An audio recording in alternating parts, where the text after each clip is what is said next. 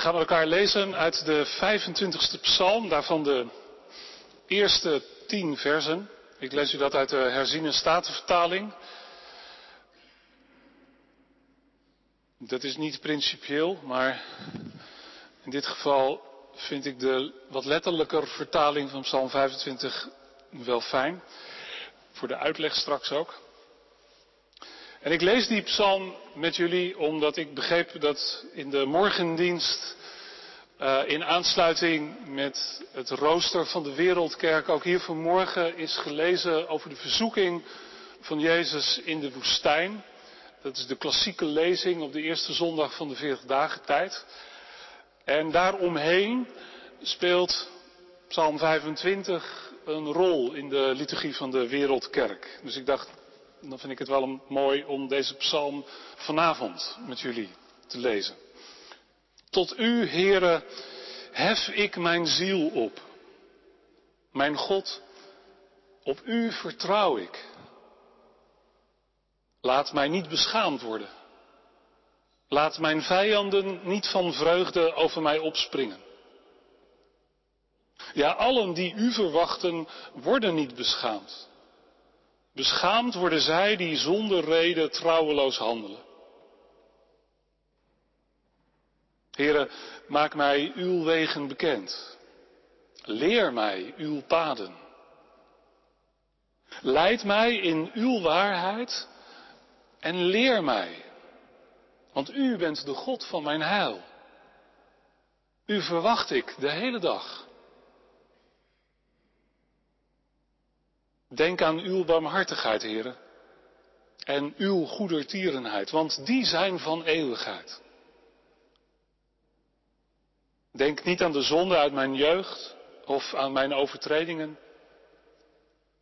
Denkt u aan mij naar uw goedertierenheid, omwille van uw goedheid, heren. Goed en waarachtig is de Heer. En daarom onderwijst Hij zondaars in de weg. Hij leidt zachtmoedigen in het recht. Hij leert zachtmoedigen zijn weg.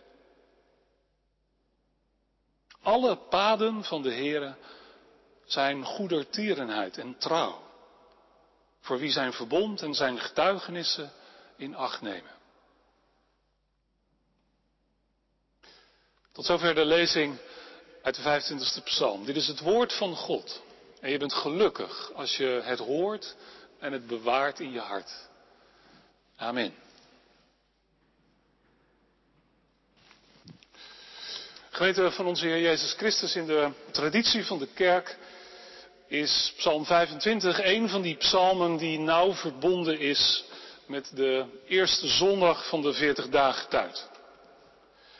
Ik zei het net al in de introductie op de lezing. Vanmorgen lazen we ook in Amsterdam over Jezus in de woestijn, die toen en daar door Gods tegenstander verzocht werd. En ik zeg dat met enige nadruk omdat dat een strijd is die toen en daar gestreden is. En dat is een strijd waar wij compleet buiten staan. En tegelijkertijd, dat is een strijd die ongelooflijk beslissend voor ons is geweest. Jezus worstelt in de woestijn met de verpersoonlijking van het kwaad. Jezus heeft geworsteld met de mogelijkheid God vaarwel te zeggen. Jezus had voor eigen succes kunnen gaan. Maar Jezus is staande gebleven in die verzoeking. En als je nu wilt weten hoe het komt dat Jezus in de woestijn stand houdt tegenover de verleiding om zonder God te leven, om, om zelf baas te zijn. Als je wilt weten hoe dat komt, dan vind je in Psalm 25 een antwoord. En zo wilde ik vanavond die 25e psalm allereerst maar eens lezen. Als een psalm van Jezus. Wij vergeten dat soms wel eens een beetje. Zeker in onze geformeerde traditie, waarom we ons zo beroemen op de plek van de psalm in onze erediensten. Maar de psalmen zijn natuurlijk wel het liedboek van Israël op de allereerste plaats. En in eerste instantie staan wij daar als niet-Joden helemaal buiten. Dat wij de psalmen lezen en zingen, dat doen we in de allereerste plek omdat het de gebeden van Jezus zijn. Ook daarin volgen wij Jezus na. Wij lezen de schriften van wat wij nogal oneerbiedig het Oude Testament lezen, omdat het de schrift is waar Jezus uit geput heeft. Wij zingen en wij bidden de psalm omdat het de gebeden van Jezus zijn. Heer, leer ons bidden, vragen de leerlingen aan Jezus en dan leert Jezus hen het onze Vader. Maar als je nou van Jezus wilt leren bidden, lees en spel dan ook de psalmen. Bid de psalmen. Als de gebeden die Jezus gebeden heeft. Ik weet nog dat ik voor de allereerste keer, ik denk ergens bij Bonhoeffer, deze gedachte tegenkwam. Dat wij de psalmen bidden omdat het de psalmen van Jezus zijn. En dat was voor mij zo'n eye-opener om als ik een psalm lees, als ik een psalm bid, om me dan voor te stellen hoe Jezus die woorden gebeden heeft. Hoe Jezus die woorden op zijn lippen heeft gehad, op, op, zijn hart heeft gehad. Dus hoor nou eens bij het lezen en bij het zingen van die psalmen niet meteen je eigen stem. Leg nou niet meteen je eigen geloofsleven meteen als een deken over die teksten. Maar hoor eerst eens hoe het Jezus zelf is, die tot God, zijn Vader, zegt, tot u, Heere, hef ik mijn ziel op, mijn God, op u vertrouw ik. En, en hoor hoe het de stem van Jezus is, die aan zijn Vader vraagt om zijn wegen bekend te maken. Het is natuurlijk ook een beetje afhankelijk van de achtergrond waarin je bent opgegroeid. Maar voor mij als kind was het altijd volstrekt helder dat Jezus natuurlijk een geweldige hotline direct met God had. Dat het voor helemaal niet, niet nodig was om de wegen van zijn vader te leren kennen. En later denk ik, wat een onzin is dat geweest. Jezus is, is kind geweest en hij heeft zich de wegen van zijn vader eigen moeten maken. Hij is door die psalmen heen gekropen. Hoor hoe de zoon bidt dat zijn vader hem zijn paden zal leren en hem zal leiden in Gods waarheid. En hoor hoe de zoon die weet hoe moeilijk zijn weg op aarde worden zal, hoe die zoon vol vertrouwen beleidt, alle paden van de Heer zijn goede tierenheid en trouw, voor wie zijn verbond en zijn getuigenissen in acht nemen. Alle paden. Ook de weg die straks naar Golgotha leidt. Jezus wist, dit gaat over mij. En daarom neem ik het verbond van mijn vader en zijn getuigenissen in acht. En dus zijn alle paden voor mij zijn goede tierenheid en trouw. En, en daarom durft Jezus in de woestijn nee te zeggen. En daarom laat Jezus zich niet in de luren leggen door de duivel omdat hij zo vertrouwd is geraakt met de wegen van God. Hij leeft van Gods goede tierenheid en trouw. Ook in de woestijn. Je weet wel, die plek waar God zo langdurig kan zwijgen. En dat doet hij niet om ons te pesten, maar om ons te leren dat we ook als God dus een tijdje zwijgt, Hij nog steeds te vertrouwen is. Psalm 25 is dus allereerst een psalm van Jezus. Maar nou zijn wij hier bij elkaar als zijn leerlingen. Nou ja, daar nodigt Jezus ons in ieder geval toe uit. Zijn leerling te zijn en te worden. En nu Jezus deze psalm gebeden heeft, nu Jezus met deze psalm gestreden heeft in de woestijn, Nu mogen wij Hem gaan nabidden. In de hoop en de verwachting dat deze psalm ons helpt wanneer wij in de woestijn terechtkomen. En die psalm begint dan met het opheffen van de ziel tot God.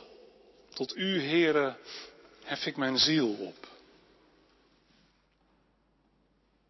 En dat woordje opheffen, dat is niet zomaar een woord, maar dat is een woord dat nogal gebruikt wordt voor het brengen van de offers in de tempel. Opheffen. Ik gebruik even een ander beeld. Een beetje huiselijk, misschien te huiselijk. Je loopt met een dienblad de kamer in. Er staan koppen koffie op. Je houdt het dienblad voor het gezicht van je bezoek. Hier, hier is je koffie. Nou, dat beeld. Maar dat je dan je gast niet koffie aanbiedt, maar dat je de Heere God als het ware je ziel aanbiedt. Paulus schrijft in Romeinen 12, vers 1, Broers en zussen, met een beroep op Gods barmhartigheid vraag ik u om uzelf als een levend, heilig en God welgevallig offer in Zijn dienst te stellen.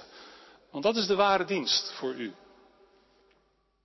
Dat wij onszelf als een offer in Gods dienst stellen. Wij offeren in de kerk geen duiven en geen graan, geen bokken en geen schapen meer. Nee, wij worden geroepen om in een navolging van Christus om onszelf toe te wijden aan God. Want dat is offeren. Dat je van iets dat je gewoon voor jezelf zou kunnen en zou mogen gebruiken, dat je daarvan zegt, nee, dit is niet langer voor mijzelf alleen, maar dit is nu voor God. En dat je dat dus van je ziel zegt. Wat is dat, je ziel? Ik ben getrouwd met een psycholoog, dus dat is altijd een interessante discussie als we daarover gaan hebben. Wat is je ziel? Nu, laat ik maar heel eenvoudig houden vanmiddag. We kennen de uitdrukking dat mensen hun ziel en zaligheid ergens in leggen. En daarmee bedoelen we dat mensen alles geven. Dat ze hun hele bestaan met alles erop en eraan, dat ze dat ergens aan geven. Je ziel. Je zou kunnen zeggen dat is de kern van je leven. Dat ben jij. En daarvan zegt deze psalmist, en Jezus zegt het deze psalm na, die kern van mijn leven, wie ik ten diepste ben, dat geef ik nou aan God. Ik, ik wijd mij aan God toe.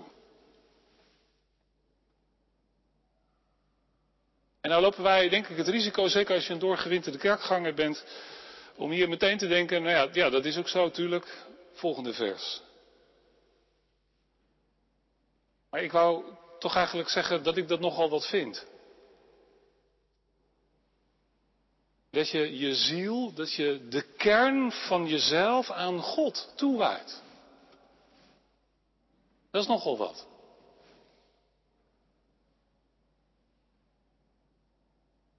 En volgens mij kunnen we deze 40 dagen tijd onderweg naar Pasen gebruiken om ons eens op zo'n vraag te bezinnen. Mijn ziel opheffen tot God. Wil ik dat eigenlijk wel? Dat ik God nou met mijn diepste zelf vertrouw. Dat ik hem dat toevertrouw. Dat ik God mijn bestaan aanbied. Dat ik God niet alleen de, de religieuze restjes van mijn leven aanbied. Dat ik God niet alleen mijn betere ik aanbied, mijn morele zelf. Maar dat ik alles aan God aanbied. Mijn mooiste gedachten, maar ook mijn donkerste driften. Dat ik God mijn dankbaarheid aanbied, maar ook mijn onvervulde verlangens. Dat ik hem mijn vertrouwen aanbied, maar ook mijn wanhopen en mijn frustratie. Dat ik nou alles omhoog heb en het hem aanbied. Omdat God werkelijk waar de enige is die je daarmee kunt vertrouwen.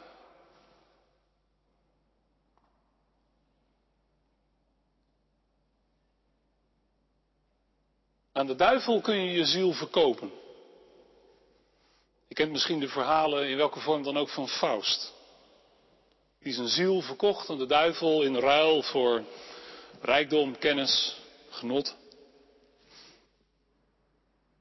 Dat is typerend voor de duivel. Aan de duivel kun je je ziel verkopen. Voor wat hoort wat. En laten we er niet omheen draaien. Als je je ziel verkoopt aan de duivel, dan krijg je er enorm veel voor terug. Dat is echt waar. Veel kennis. Veel rijkdom. Veel genot.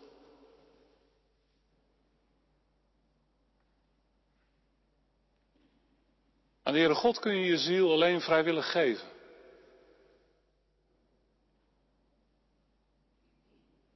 En de Heere God neemt hem ook alleen aan als je hem vrijwillig geeft.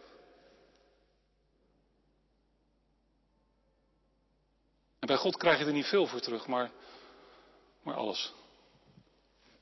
Want God is te vertrouwen.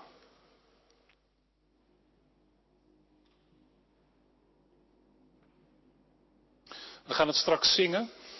Gezang 473. Ik weet zeker dat Karel er iets heel moois van gaat maken, maar ik vind het een lied met een niet zo geweldige melodie. Ik zat als kind op een school met de Bijbel. En ik denk dat onze twee achtereenvolgende juffen er heel veel van hielden, want ik heb het als kind net iets te vaak gezongen. Dus dan kun je een afkeer krijgen van zo'n lied. Ik heb het ook heel lang niet opgegeven, als een soort predikantenpuberteit. Maar een tijdje geleden kreeg ik bij wijze van een geestelijke oefening de opdracht om dit lied hardop aan mezelf aandachtig voor te lezen. Als je nou de komende dagen eens ergens ruimte hebt of ergens ruimte maakt, dan zou ik je dat ook wel willen aanraden om dat ook eens te doen. Te kijken wat er gebeurt. Neem mijn leven, Heer, laat het toegewijd zijn aan uw eer. En dan alles wat er verder komt. Een lied van, van diepe toewijding. En dat, dat in die toewijding alle dimensies van het leven meedoen en ertoe doen voor God.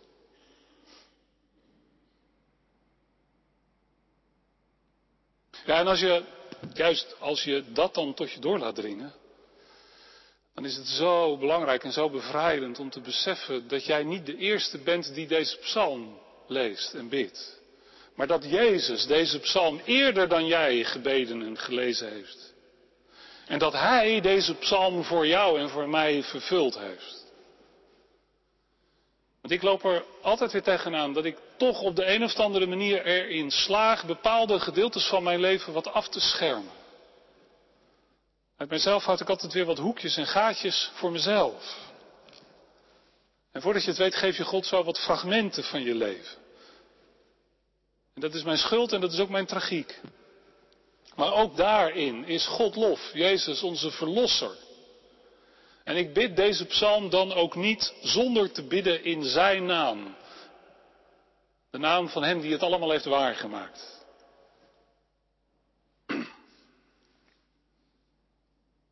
En dan is deze psalm vervolgens opvallend vanwege de nadruk op dat leren. Maak mij uw wegen bekend, leer mij uw paden, leid mij in uw waarheid en leer mij.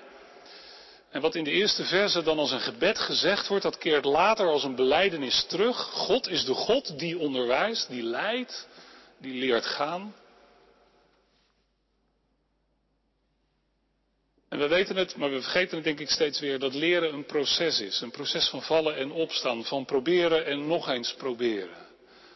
En ook daar wil ik even een streep onder zetten, want wij leven in een hele ongeduldige tijd. Ik ben een paar jaar geleden begonnen met opnieuw een instrument te leren bespelen. En nou ja, je kunt er wel noten lezen, maar verder begin je praktisch helemaal opnieuw. eindeloos oefenen, je vingers doen pijn. Je kan op een gegeven moment geen toonladders en quintencirkel meer zien. En al het geoefen is soms dodelijk saai. En toch, als je nou een tijd aan het oefenen bent geweest, dan ontdek je dat na zo'n periode van intensief oefenen, dat je je meer vrijheid op je instrument verworven hebt. Om vrij te kunnen improviseren, moet je uren fouten maken en opnieuw beginnen. Dat is een hele gekke paradox. Echte vrijheid vind je alleen door discipline. Maar wij leven in een ongeduldige tijd. Wij hoeven niet meer te leren, want wij kunnen alles opzoeken. Met Google heb je in milliseconden alle kennis onder handbereik. Je zit soms een middag te surfen en je hebt niks geleerd. En zo is dat ook in het geestelijk leven. Leven met God moet je leren. En God zij dank, daar heb je helemaal geen bijzondere intelligentie voor nodig of zo. Nee, juist niet. Intelligentie kan je soms op een gegeven moment erg in de weg zitten. Maar leren leven met God vraagt wel geduld. Zoals leren leven met je lief geduld vraagt. Je kent elkaar niet na een dag. Je kent elkaar niet na het lezen van elkaars levensverhaal. Je kunt soms jaren getrouwd zijn en tot je stomme verbazing nog steeds nieuwe dingen ontdekken. Je moet elkaar ontdekken. En zo ook Jezus. Het is toch wonderlijk dat, dat ook Jezus de paden van zijn vader heeft moeten leren bewandelen. Want dat is wel de uiterste consequentie van de menswording.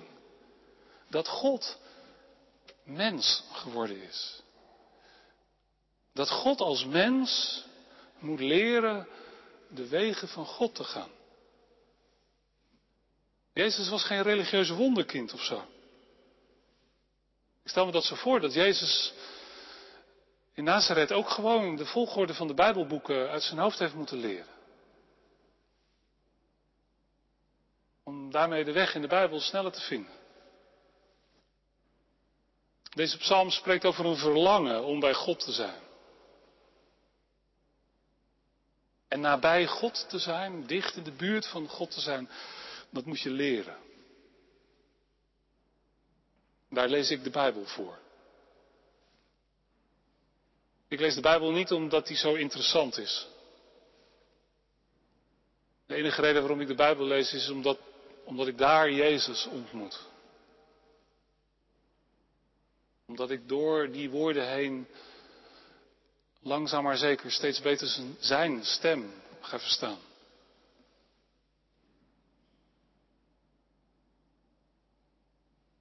Dus ja, wat, wat wil je eigenlijk leren? Er is denk ik geen tijd als de onze waarin die vraag zo belangrijk geworden is. Want alle informatie is beschikbaar met een paar drukken op een knop. Maar wat wil je leren? Dat is misschien ook een vraag om je zelf in de komende 40 dagen tijd eens te stellen. Wat wil ik leren? Wat wil ik leren in dit leven? Wat wil ik leren van Jezus? En ga ik het dan ook echt doen? En hoe dan?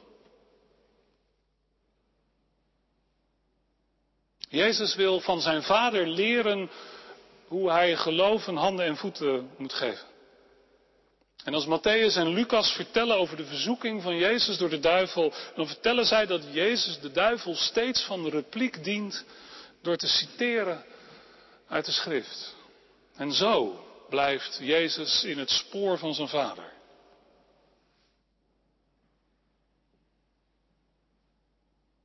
Op welke wegen wandelen jouw voeten eigenlijk?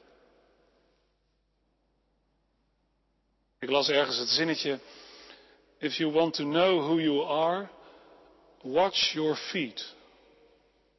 Because where your feet take you, That is who you are.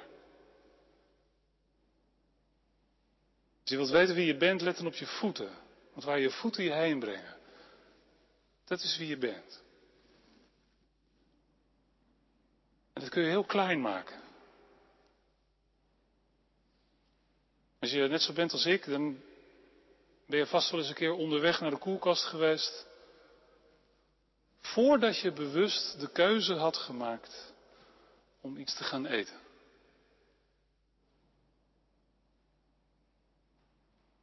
Misschien heb je wel eens op een porno-site gezeten. Voordat je bewust de keuze maakte om dat te doen.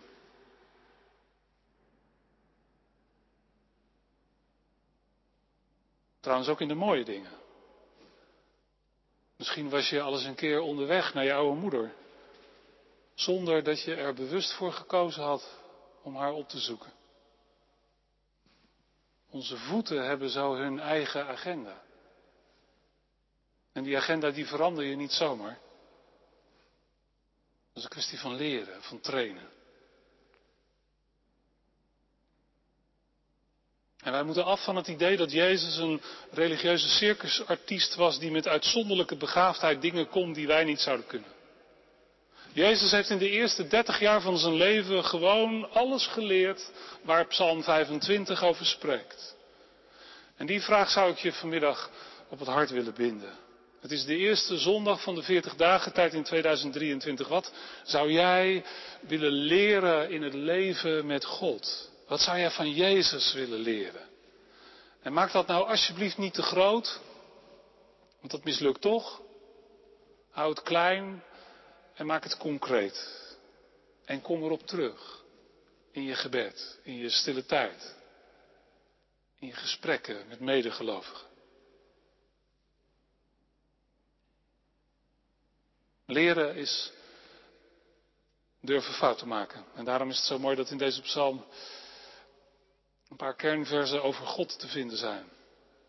Denk aan uw barmhartigheid, heren, en uw goede tierenheid, want die zijn van eeuwigheid. Goed en waarachtig is de Heer. En alle paden van de Heer zijn goede tierenheid en trouw. Zo, zo is God. Zo is de Vader van Jezus Christus. Op die God kun je vertrouwen. Ook wanneer hij in de woestijn zwijgt. En op die liefde en op die barmhartigheid van God mag je vertrouwen. Ook wanneer je voor de zoveelste keer weer bent afgeweken van zijn paden. Je mag geloven dat deze God zich zijn genade herinnert. En onze misstappen vergeeft en vergeet. Dat deze God, deze ruimhartige, trouwe en geduldige God het is die naar jou toekomt. Om je te leren hoe je dat doet. Leven als Jezus. Vol vertrouwen. Zelfs wanneer God zwijgt. Voor andere stemmen doof en gevuld met Gods liefde. Bereid die liefde weer door te geven. En zo zit er in deze psalm ook nog een belofte. Allen die God verwachten, staat er. Allen die hopen op God, zullen niet beschaamd worden. Weet je wanneer die woorden voor Jezus werkelijkheid werden? Op Goede Vrijdag waren deze woorden, het leek wel een regelrechte leugen.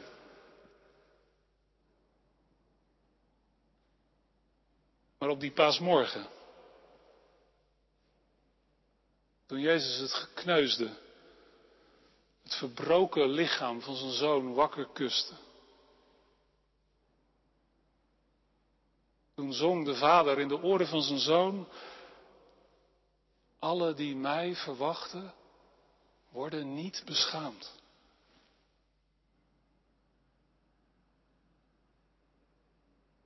En zo word je vanmiddag deze stad weer ingestuurd. Je hebt brood en wijn ontvangen. Je hebt Gods genade in de rug. En je mag leren opnieuw en opnieuw om te wandelen op Gods wegen. Wegen van recht, trouw en liefde. En weet, Zing dat God goed voor je is. Hij is de God van je heil. En je zult niet beschaamd worden. Amen.